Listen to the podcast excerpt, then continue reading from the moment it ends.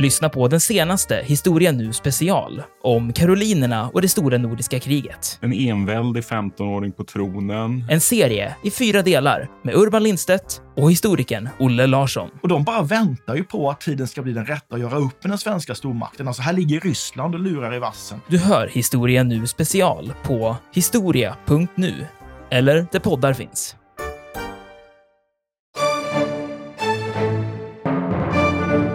En ring som man kallar för Andvarenaut. Det är Andvares skatt detta.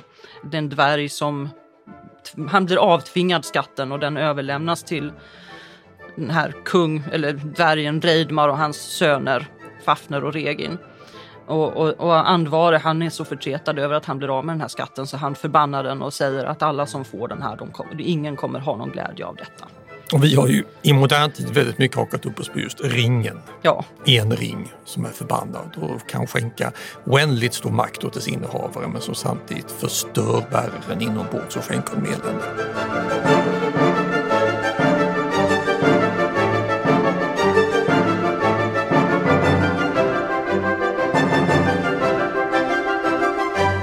Välkomna till Harrisons dramatiska historia och till mig som heter Dick Harrison. Jag är professor i historia vid Lunds universitet och författare till ett antal böcker, både skön och facklitteratur. Men också välkomna till Katarina Harrison Lindberg som är gift med Dick och sitter mitt emot honom här vid bordet i Lund. Jag skriver också böcker och idag så har vi kommit till ett av mina favoritämnen. Ja, vi har nu ägnat fem poddavsnitt åt att berätta om tidig medeltida historisk utveckling, men gått som katten runt het gröt när det gäller epokens eget historieberättande. Alltså forntidens mesopotamier, de skapade Gilgamesh-eposet, grekerna skapade Iliaden och Odysseen och en massa hjältesagor. Men vad skapade den tidiga medeltidens europeer? Jo, det är sånt du kan bättre än de flesta, Katarina. Ja, därför att jag har ju faktiskt ägnat flera år nu åt att att eh, popularisera sagor kan man säga. Eh, det började med att jag skrev om nordiska gudasagor. Väldigt, väldigt roligt. Så roligt att jag bestämde mig för att fortsätta med sagornas saga skulle man kunna säga. Völsungasagan som vi ska fördjupa oss i idag. Och just nu faktiskt, när vi åker hem i eftermiddag, så ska jag lägga den sista handen vid nästa bok som kommer heta Nordiska hjältesagor. Också väldigt häftigt, men det får bli ett framtida avsnitt. För nu är det bara Völsungasagan. Nu är det bara Völsungarna som gäller. Det är alltså en saga som har överlevt i många olika varianter, traderats i flera länder, flera dikter och detta är ett läge där vi är fullt övertygade om, med intill visshet gränsande sannolikhet, att det allra mesta som författades och traderades muntligt har försvunnit. Jag menar, när vi pratade om Uppåkra så visste vi att det fanns gott om berättelser om Hadubarden och Ingeld som vi vet har funnits, för det nämns, men de har försvunnit. Och det gäller många andra sagor också. Danmarks gamla Sköldungasaga finns inte kvar i sin helhet till exempel. Men just Völsungasagan, den måste folk ha verkligen älskat. Den fick bara inte glömmas bort. Nej, och den har ju fått spridning på väldigt många olika sätt. Eh, när jag satte ihop den till till en fungerande bok, då eh, tittade jag ju på mm, Edda-dikter. Berättelsen finns återberättad i beståndsdelar i flera olika Edda-dikter. Vi har ju den här tyska Nibelungen Lid som också är en variant av Völsungasagan. Och så har vi en Völsungasaga, en isländsk saga som... En sån här fornaldarsaga ja, med medieval fantasy. Ja. Så det, det, det är mycket. Men nu vet jag inte om alla i vår lyssnarkrets känner till innehållet i den här stora sagan. Så jag tycker att du ska ge oss en snabb synopsis på vad det är som ja. händer. Vad är en völsung först? Nej, jag tycker inte vi börjar med völsungar. Vi måste börja med vad det är som verkligen gör att det här blir en saga, tycker jag. Och det är en skatt. Historien börjar med att eh, man överlämnar en, en skatt som är som, som blir förbannad och som sen ska följa den här historien som gör att alla som får skatten, ja, de kommer att dö. Farliga, obehagliga, hemska dödar men alla blir också väldigt giriga efter skatten. Så där startar den här historien. Völsungarna sen, de dras in i historien som, som delar i, det, det är ju en ett, en släkt, en full av hjältar, släkt med Oden så de kommer in och får, liksom möter den här skatten så att det, det utvecklar sig stora äventyr. En av de riktigt stora historierna för att Völsungasagan är en jättelång historia. Den handlar om Sigurd Fafnesbane. Och, och han är en av de här Völsungarna, en av Völsungaättlingarna som Som dräper draken, draken Fafner och tar guldet. och tar guldet. För att då har Fafner, som från början var en dvärg, en girig dvärg, han ville ha hela den här skatten för sig själv. Han dödar sin far för att få den och sen så förvandlar han sig till en drake och ligger och ruvar på den här skatten långt ut i vildmarken. Eh, och hans eh, bror Regin, han vill också ha skatten förstås. Och han gör sig då till vän med den här unge hjälten Sigurd som han förstår. Han, Sigurd han kan ju inte känna skräck, han är ju världens modigaste man. Så han, han inser att eh, Sigurd kan hjälpa honom att få skatten så de ger sig tillsammans ut för att dräpa draken och lyckas med det. Och därefter, skatten är ju en förbannad skatt så eh, när det har hänt så för, så börjar Sigurd misstänka att regeln kanske inte har rent mjöl i påsen så att han dräper sin vän och tar skatten själv och fortsätter ut på flera äventyr. Som till slut leder till hans död för han är också förbannad. Ja. Ja.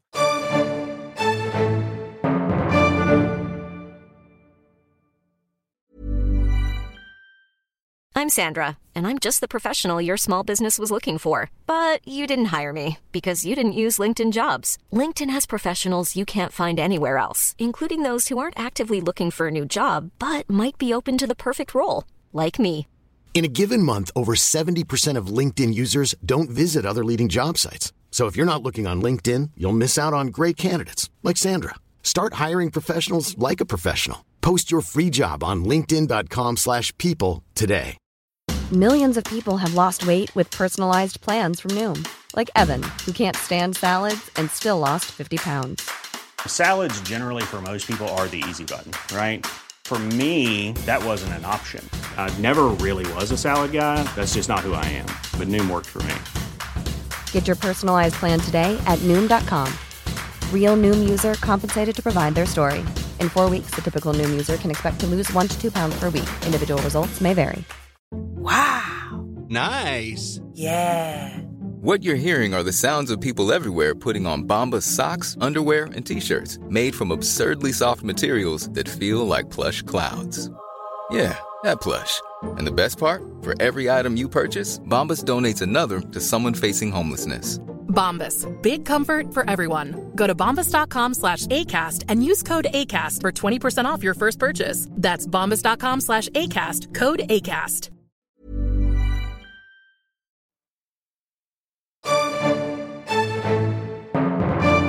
Men jag, så vitt jag minns så är det här inte bara en saga om dådkraftiga machomän som går runt och dödar drakar utan det finns gott om starka kvinnor som också de dras in i den här väven. Och jag vet att din favorit är då Sigurds fru Gudrun och hans första flickvän Brunhild och de tycker inte om varandra. Och så har du en rejäl kvinnlig maktuppgörelse innan vi tar vid i nästa generation. Så det är idel blod och död. Ja, det som händer när Sigurd ger sig vidare ut det är att han möter den här fantastiska kvinnan uppe på ett högt berg. Hon är en sköldmö men hon har blivit ja, utkörd, utstött på grund av att hon inte har följt Odens riktlinjer så att han har sänkt henne i en sömn och hon kan bara väckas upp av den modigaste mannen i hela världen. Och så kommer Sigurd där och lyckas väcka henne och de blir förälskade i varandra förstås och eh, han lovar henne trohet. Eh, hon heter Sigurdriva i historien men hon heter också Brynhild eller Brunhild så hon har båda de här namnen. Och han lovar att hon, han ska komma tillbaka och hämta henne, han ska fria till henne på, på riktigt. Men eh, innan dess så, så har han lite annat att göra helt enkelt så han beger sig vidare ut och då kommer han till ett kungahov, Jukungarnas hov vid Ren.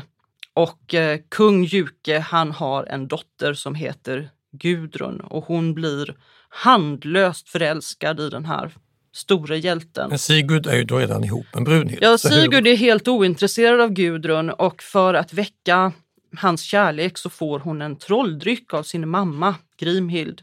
Och, eh, så hon förgiftar hjälten så att han glömmer sin tilltänkta hustru Brunhild Sigurdriva och blir istället förälskad i Gudrun och gifter sig med henne. Och till råga på allt så hjälper han sin hustrus, alltså Gudruns bror Gunnar, Svågen alltså. svågen alltså, att vinna Brunhild Sigurdriva till hustru. Så att Gunnar och Brunhild blir gifta istället. Och så kommer de då och så inser Brunhild att hon är bedragen och så blir Ja, det Brunhild vill ju egentligen inte gifta sig med, med Gunnar. Det, det här är ett kär, kärvt äktenskap, det går aldrig, det fungerar inte riktigt bra. Och eh, Gudrun ser väl också, de, blir, de, de här två kvinnorna, de, de, det finns ett, en svartsjuka och irritation mellan dem så att till slut blir Gudrun så förtretad för att alla utom Brunhild vet ju att hon har blivit lurad. Då berättar Gudrun att hon har blivit lurad. Och eh, Brunhild, hon, som den sköldmö hon är, hon blir naturligtvis fullständigt rasande och kräver en fruktansvärd hämnd. Jag tror jag har sett det här på en tavla av Anders Zorn en gång. Två stycken nakna dalkullor som står någonstans vid Siljanstranden och glor på varandra. Och så står det Gudrun och Brunhild i badet. Just när de börjar verkligen fatta vad som har gått upp och de är jättearga. Ja. ja, du kan ju förstå hur roligt det var att skriva den här historien. Ja, som, som jag minns när jag läste din bok så slutade det ju inte där utan först dör nästan alla. de Ja, ja, för den här hämnden gör ju... Ja, ska, vi, ska vi verkligen berätta Och hela sen sagan? fortsätter det så att Gudrun gifter sig med största knölen som finns på hela europeiska kontinenten just då. Atle. Och det är ju Attila då. Och så Mm. får de ännu mer blod och död och elände i ett par generationer till. Mm. Eh, Så det är en lång, lång förbannelsesaga som folk verkligen har älskat. Och då ställer sig vän av ordning frågan, hur länge har de gjort det? För jag menar, det här hittar vi i Island på 1200-talet och jag menar, Nibelungen lite i Tyskland, det är också högmedeltida. Edda-dikterna är något äldre men vi vet ju egentligen inte vad de har för ursprung. Så de, eh, en del av personerna som nämns i den här historien det är, det är människor som man har plockat in namn på riktiga människor och då kan det vara kungar och drottningar som levde kanske på 400-talet. Men det betyder ju inte att de, det ska vi ju säga med en gång, att den här sagan det är inte en det är inte fakta, utan det är en, en saga, en, en berättelse, en historia som man har berättat. Och riktiga namn som man har lånat in då som Atle, Attila. Det, Jag tror vi ska återkomma till de här riktiga personerna sen, men det är viktigt att komma ihåg att det du har gjort och det andra som har gjort Völsungasagan på nytt har gjort, det är ju att utgå från flera av varandra ganska oberoende diktfragment och dikter som har tillkommit vid väldigt mycket olika tidpunkter. Det, är- alltså det föreligger ingen stor samlad tradition. Sigurdriva och Brunhild de heter olika saker fast det är samma person. Eh, jag kollade lite på en av de dikter som man tror var den äldsta Hamdesmål, Hamdismal. Och det har då mycket oregelbunden metrik, ovanligt ålderdomliga uttryck och så vidare. Då. Och den menar då vän av ordning och forskare att den är förmodligen den har fastnat i en ovanligt gammal version medan då andra av de ädla dikterna tillkom senare. Och egentligen, jag menar, det här är ju förvirrande för en forskare och ännu mer för en läsare. Men det vittnar ju egentligen om att det här har under hundratals år nyproducerats texter, omformulerats för folk kunde inte låta bli att berätta om det här. Den här förbannelsen. Förbannelsen och det, det, är, en, det är en guldskatt. Men finns det inte en ring också? jo, det finns en ring också. En ring som man kallar för Andvarenaut. Det är Andvares skatt detta. Det är en dvärg som han blir avtvingad skatten och den överlämnas till den här kung eller dvärgen Reidmar och hans söner Fafner och Regin. Och, och, och Andvare han är så förtretad över att han blir av med den här skatten så han förbannar den och säger att alla som får den här, de kommer, ingen kommer ha någon glädje av detta. Och vi har ju i modern tid väldigt mycket hakat upp oss på just ringen. Ja, En ring som är förbannad och kan skänka oändligt stor makt åt dess innehavare men som samtidigt förstör bäraren inombords och skänker honom elände. Och nu, nu sitter vi här och pratar litteratur. Men det här är så pass känt och omvittnat att du kan ju bokstavligt talat ge dig ut i buschen och titta på det här i illustrationer från äldre medeltid. Ja, du och jag, vi har varit och tittat på en runhäll um, en bit utanför Eskilstuna. Ramsundsberget. Ja, Ramsundsberget. Det ligger vid en plats som heter Sundbyholm. Och eh, nu var det några år sedan vi var där, men man åkte in på en liten skogsstig och det var mycket myggigt och eländigt. Men eh, när man väl kom fram och man kunde ställa sin bil så, så var ju hällen väldigt synlig där och där, det är en fantastisk runhäll. Ja, men ni... omöjlig att fotografera. Ja, för den är stor. Så man går upp på den här lilla sluttande hällen och sen så ligger det en... Eh, ni, får, ni får googla detta, Ramsundsberget. Eller åk dit. Eller åka dit. För, för den är, det, jag tycker det är en av de finaste runristningarna vi har kanske i Sverige. Och där syns just, sagan syns för att själva texten i, i den här ristningen är... Runslingan. Runslingan ja, den är i en lång orm då, en lång drake som, som ska föreställa Fafner. Och så syns Sigurd som en liten person som står under och liksom kör upp sitt svärd rätt igenom kroppen på, på draken. Och sen så syns andra bitar av vad som händer sen, hur Sigurd steker drakens hjärta och därmed blir förmögen att han får visdom och han förstår vad fåglarna sjunger och sådär. Så... Ja, han, får lite, han bränner sin tumme va? Så, ja, det gör han. så att han måste suga på tummen. Han sitter och mm. suger tumme och då får ni lite drakblod och kan höra vad fåglarna säger. Och det, det är ju rena serietidningen som man kan se inhuggen. Du ja. ser en halshuggen Regin och smedesverktyg mm. och en häst ja. avbildad också. Sigurds häst Grane finns med där. Lastad med skatten. Va? Lastad med skatten. Ja, det intressanta här egentligen är ju att det här har ingenting att göra med själva runristningen. Nej. Sigrid Ormsdotter, kvinnan som lät rista där, hon ville bara berätta om hur hon hade anlagt en bro till minne av en avliden släkting. Mm. Så det är det enda som står. Ja, och jag tror faktiskt att brofundamenten finns kvar inte långt ja. därifrån så att man kan se även detta när man kommer dit. Men, eh, men hon eller den som har ristat den här hälen har då bestämt sig för att smycka hela den här ja, historien om vad hon har gjort med den här kända berättelsen om Sigurd. Det är fascinerande att tänka om vi hade gjort så här idag. Om vi hade haft stora gravstenar och fått ha någon sorts konstnärlig utsmyckning för vårt favoritlitterära verk som vi hade lagt i en slinga runt omkring. Så gör man inte idag, men så gjorde man på den här tiden. Ungefär som att om jag skulle dö och jag hade bestämt att nu ska Stjärnornas krig vara indramat, jag vill ha lite gederiddare med ljussablar i Du återkommer till Stjärnornas krig ja, ofta, du gillar det? 19, jag såg premiären i Sverige när jag var tio år gammal och det har fastnat. Men min poäng är att den här typen av myter som var populära, som var starka, som återberättades. Idag lever de i sin egen lilla fiktiva värld vid sidan av. Då kunde man mycket väl lägga in dem i sin egen självuppfattning så till den milda grad att det hamnade på de egna monumenten, gravhällarna, runstenarna. Ingen av oss idag skulle komma på tanken att stoppa in Sagan om ringen eller Stjärnornas krig eller Ulysses eller På spaning efter den tid som flytt eller vilket verk som helst i den här typen av personligt monument. Det gör man med Völsungasagan. Så stark var den. För Sigrid Ormsdotter var det här självklart. Jag kan se henne snackandes med runristaren när hon beställde det här verket. För hon har ju inte gjort det själv, det är ju ett mästerverk. Att nu vill jag ha Sigurd. Ja, vad vill du ha mer då? Ja, jag har regeln och så vidare. Då han får säkert betalt för per gubbe, alltså det är ju ett jättejobb. Och så lyckas hon få in så mycket som möjligt av de centrala aspekterna med själva drakdödandet. Mm.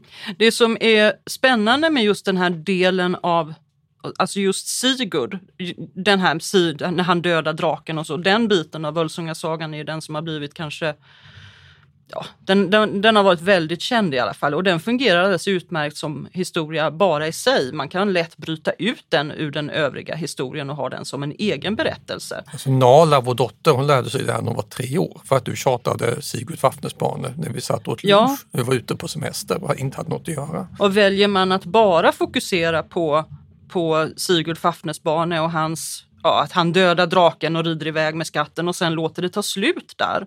Då, då är det här en saga med lyckligt slut som, som alla kan tycka om. Har man hela Völsungasagan, man liksom drar det in till det bittra slutet, då är det en mycket mörkare historia eftersom skatten på något sätt ja, förgiftar ju hela tillvaron för de som möter den och alla går under. Sigurd dör ju till slut. Det roliga är ju att vi vill ha det där lyckliga slutet, men folk som berättar den då de har ju bevarat alla de här tragiska händelserna efteråt också som om det var det som fick dem att ticka till. Att det här var någon sorts katarsis, det var mörkt, det var tragiskt. Det, det ville man höra för det berörde folks känslor. Mm. Vi har ju ett sådant exempel, om jag får dra det här. Ja, ja. Eh, man behöver inte åka till Eskilstuna-trakten för att titta på minnen av Völsungasagan. Vi har om vi nöjer oss med att stanna i Stockholm och gå på Historiska museet vid Narvavägen, en dopfunt av trä som från början är från Näs kyrka i Jämtland. Sen flyttas den till Lockne kyrka och där har träsnidaren avbildat dels fabeldjur och rankmotiv men också Sigurd svåger. Gunnar, som då gifter sig med Brunhild. Han hamnar så småningom i en ormgrop hos den elake Atle och där ligger han och meningen är att ormarna ska döda honom. Men Gunnar han, då kan, han kan spela harpa och lyckas därför med bundna händer spela med tårna. Och hans skicklighet är så stor att alla ormar somnar utom en och den dräper honom. Och det här är då träsnidaren avbildat på dopfunten. Mm. Det kan man ju undra, den som beställer dopfunten till en kyrka i Jämtland har då sagt åt träsnidaren att nu vill jag ha Gunnar i ormgropen och då kanske träsnidaren säger, är det inte bättre med tre vise männen eller Jesus och Maria? Gunnar i ormgropen, förstås. Och Ja, man och man kan tycka att detta är ett märkligt val för om man, om man, om man liksom ramar in Gunnar, hur han hamnar i den här ormgropen. Det börjar ju med att ja, Brunhild då, hon, hon ser till att Sigurd blir dödad. Alltså Gu, Mm. Gudruns man Sigurd. Han- Hämnd. Ja, hon hämnas och, och, ser, och dör sen själv. Men Gudrun, hon är ju en ung änka. Hon behöver gifta om sig. Så att Gunnar, som då har blivit kung efter sin far Juke, han har dött. Han bestämmer sig för att Gudrun, hon ska bli gift med Atle, alltså Attila i verkligheten. Och i sagan så är Atle Brunhilds bror. Så det här Alla är släkt med alla tvålopera på folkvandringstiden. Ja, så Gudrun skickas iväg till Atle och eh, det visar sig att Atle är otroligt intresserad av att få veta mer om den här skatten som nu ligger i händerna hos Gunnar. ja, då klart, då måste Gunnar torteras i en ormgrop. Precis. Men Gunnar han åker inte till Atle för att lämna över någon skatt utan han gömmer skatten och när han dör i ormgropen så dör också all kunskap om vad skatten har tagit vägen.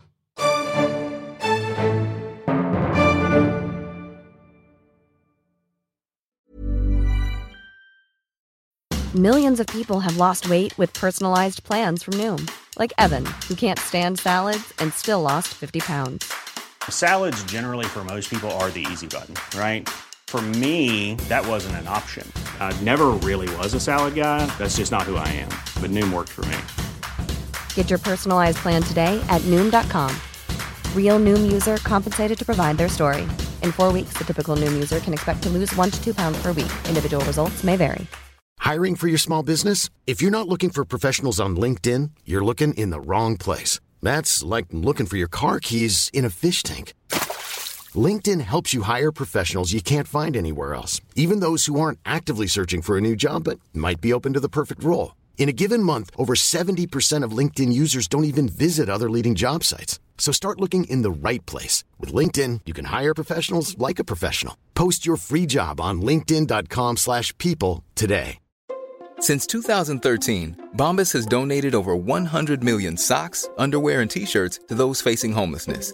If we counted those on air, this ad would last over 1,157 days. But if we counted the time it takes to make a donation possible, it would take just a few clicks. Because every time you make a purchase, Bombas donates an item to someone who needs it. Go to bombas.com slash ACAST and use code ACAST for 20% off your first purchase. That's bombas.com slash ACAST, code ACAST.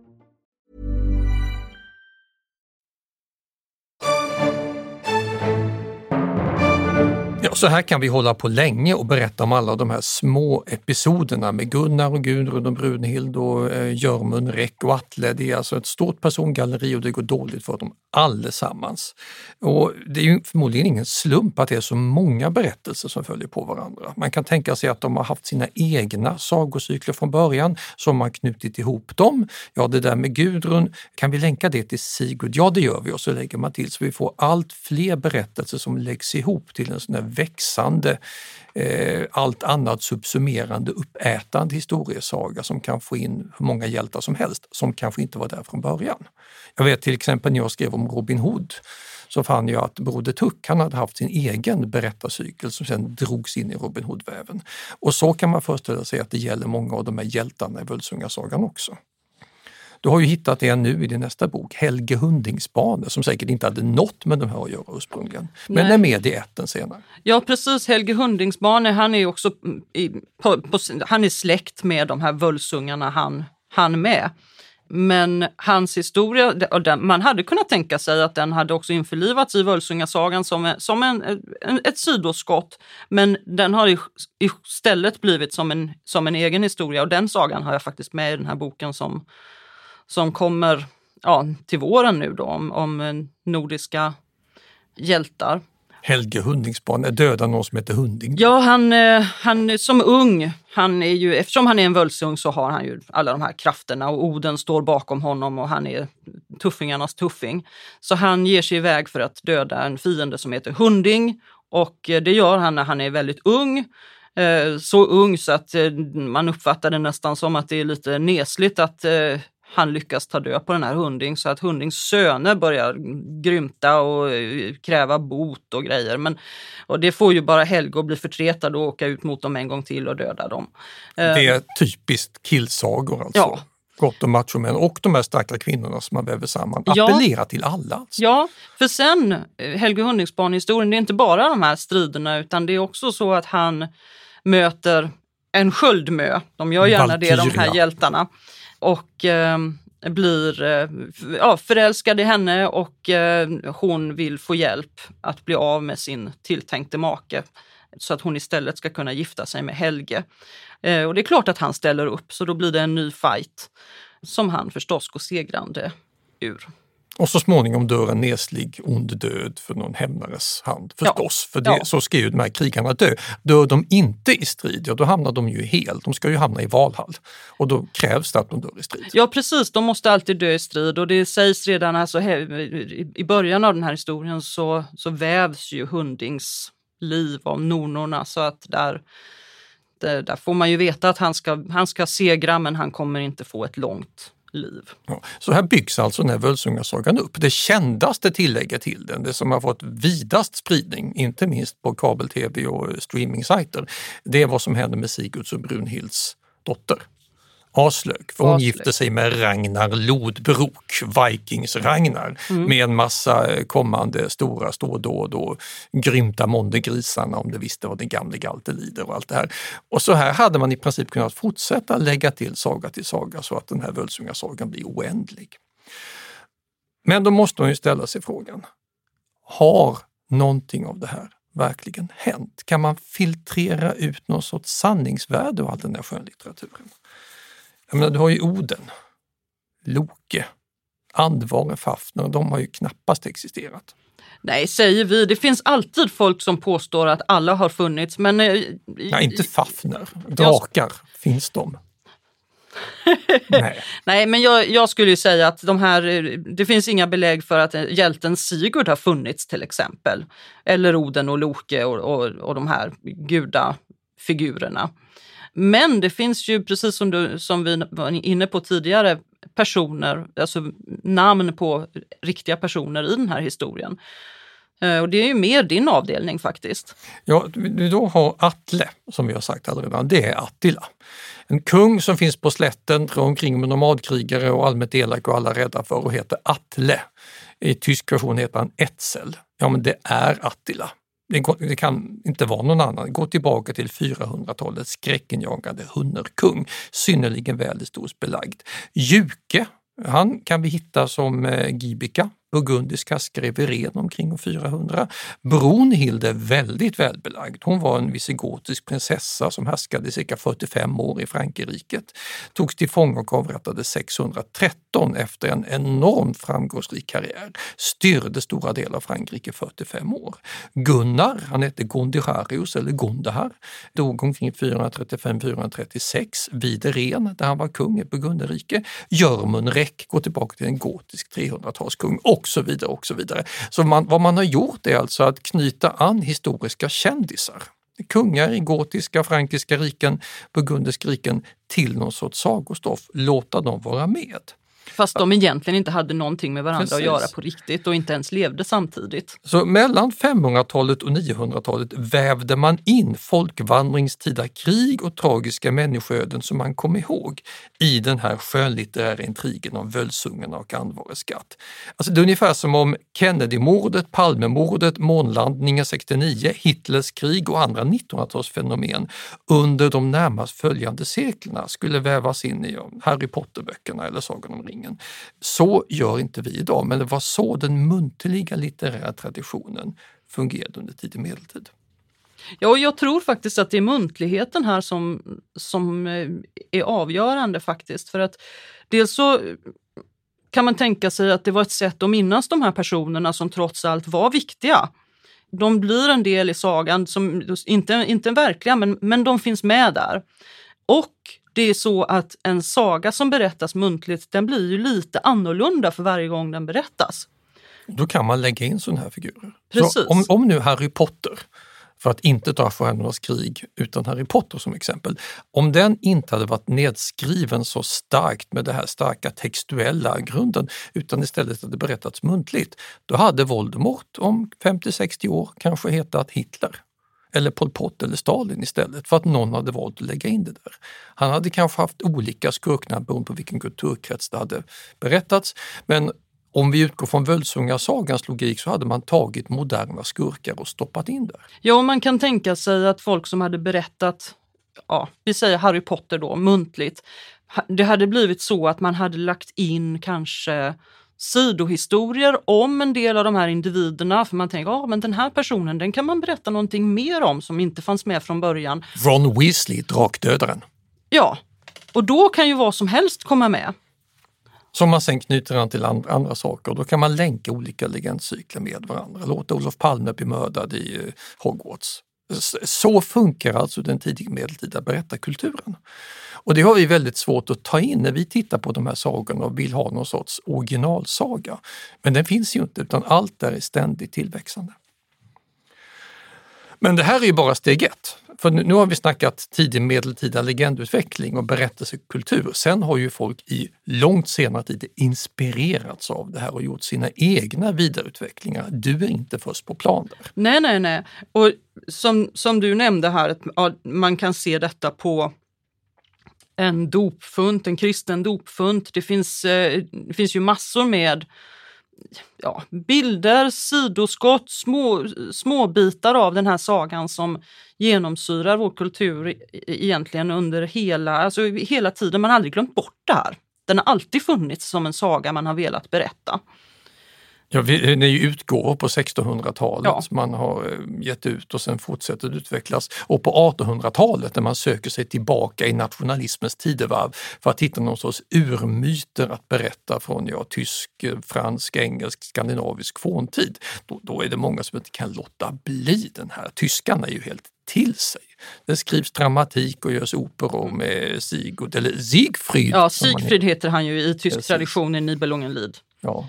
Och i Ringdes Nibelungen, Richard Wagners 16 timmar långa operatetralogi, fyra helaftonskvällar där man kan följa stora delar av den här sagan till odödlig musik med eh, Siegfried som får döda Fafner på scenen. Regin utbytt mot en som heter Mime men han förväntas fylla samma ja. roll. Och Brunhild, Brunhilde får hålla sina eh, HJH rytanden med ja. valkyrier runt omkring. Och det här är ju i grund och botten samma story som Sigrid Domsdotter låter en runristre knacka in på hällen i Ramsundsberget. Ja, det är det.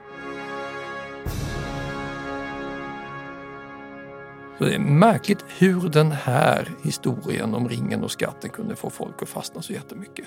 Nej, det är inte så märkligt egentligen. Det är en väldigt bra historia. Den är spännande, den är romantisk, den är full av dramatik, eh, magi, eh, hämnd, eh, stor kärlek och yttersta nöd och svek. Ja, och den håller jag helt med om, men varför kunde den till skillnad från alla andra gamla berättelser, hankar sig fram och segrar så effektivt. Men det är inte som att vi har saknat andra stora berättelser, dramatiska intriger under medeltiden, tidig modern tid. Den här måste ha haft något speciellt som kunde sluta andra just Völsungarna, Sigurd och den här ringen. Alltså det är, här har vi en förklaring som fortfarande väntar på att sägas. Men, men vi måste ju ändå ställa frågan som lyssnarna undrar nu. Den där ringen.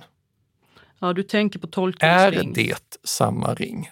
En ring att främja dem, sämja dem. Är, är det the Lord of the Rings vi snackar om? Går det en röd tråd från Andvaranaut till Saurons ring? Om man frågar tolken, och det gjorde folk, så sa han att nej, nej, nej, nej det finns inga likheter mer än att eh, det är ringar. Och de Men, är runda. Och de är runda. Men eh, det är det väl egentligen ingen som riktigt tror på, för tolken kunde ju den här historien. Han valde ju namn ur den nordiska mytologin och sagaskatten till sina fiktiva figurer. Gandalf och Durin och Dvalin och liksom, alla de här figurerna, de är ju det är, det är namn som han har, han har inte hittat på dem utan de har han plockat ur Snott från Völuspa ganska många ja. tror jag. Gammal Edda. Det är Gandalf, han är en dvärg i Völuspa. Ja, många dvärgarnamn återfinns. Eh, så han, han, han, kunde detta, det, här var, det var hans jobb att kunna det här. Så det är klart att han kände till den här ringen och eh, säkert eh, tänkte att det här är ju ett spår som jag kan använda. Och ringen som dessutom bär med sig en förbannelse och ja. korrumperar sin ägare och men kan skänka evig makt. Säger han att enda likheten är att de är runda, då ljuger Tolkien. Kan ja, eller tämligen han, överens om. Han eller, tänjer på sanningen ganska Han mycket. tänjer på sanningen lite grann. Sen har han ju inte skrivit Völsungasagan. Det får man väl ge honom helt rätt i. Nej, men det har du gjort. Ja, det har jag gjort. Du har vänt på trenden och försökt bearbeta det här sagostoffet för en modern läsekrets. Skapa en saga för 2000-talet, 2000-talet. Ja, vad jag gjorde var egentligen att jag skrev sagan så som jag vill berätta den utifrån det här gamla materialet. Ungefär, ja, så, så att jag har ju berättat hela den här historien muntligt för dig och Nala, alltså dottern, hemma för att egentligen så tycker jag den ska läsas högt. Den finns inläst som ljudbok också om man nu tycker att det är roligt att lyssna. Den är, jag tror den är inläst av eh, Irene Lind. Eller jag vet att den är inläst av Irene Lind och hon läser den jättefint. Om det nu är så att Irene Lind eller någon av hennes vänner lyssnar på detta så vill jag verkligen framföra det. Hon läser den fantastiskt bra. Ja, men vad vi verkligen hoppas nu när vi har ägnat en hel ett helt poddavsnitt åt Völsungasången, det är ju att din återberättelse är inte sista skriket utan att det här fortsätter att berättas. Eh, det värsta som kan hända med de här historierna är ju att de dör, stelnar i en form. Ja, men Völsungasagan kommer aldrig stelna. Så köp min bok, lär er den utan till och berätta den muntligt för alla ni känner. Och lyssna på Wagners opera, den är bra den också. Vi kommer att lyssna på ännu mer om de här hjältesagorna nästa gång. Då blir det Beowulf istället. En Englands, annan saga. Englands stora bidrag. Tack för idag!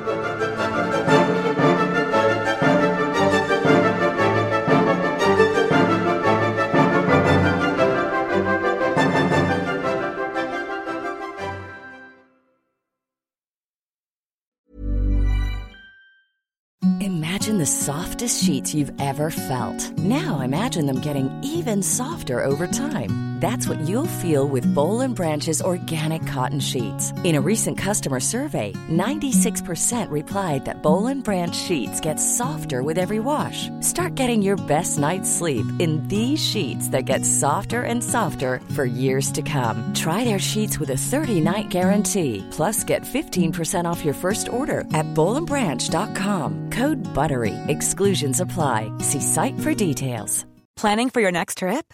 Elevate your travel style with Quince. Quince has all the jet setting essentials you'll want for your next getaway, like European linen, premium luggage options, buttery soft Italian leather bags, and so much more. And is all priced at 50 to 80% less than similar brands. Plus, Quince only works with factories that use safe and ethical manufacturing practices. Pack your bags with high-quality essentials you'll be wearing for vacations to come with Quince. Go to quince.com/pack for free shipping and 365-day returns. Even when we're on a budget, we still deserve nice things. Quince is a place to scoop up stunning high-end goods for 50 to 80% less than similar brands. They have buttery soft cashmere sweaters starting at $50, luxurious Italian leather bags, and so much more. Plus, Quince only works with factories that use safe, ethical, and responsible manufacturing. Get the high-end goods you'll love without the high price tag with Quince. Go to quince.com/style for free shipping and 365-day returns.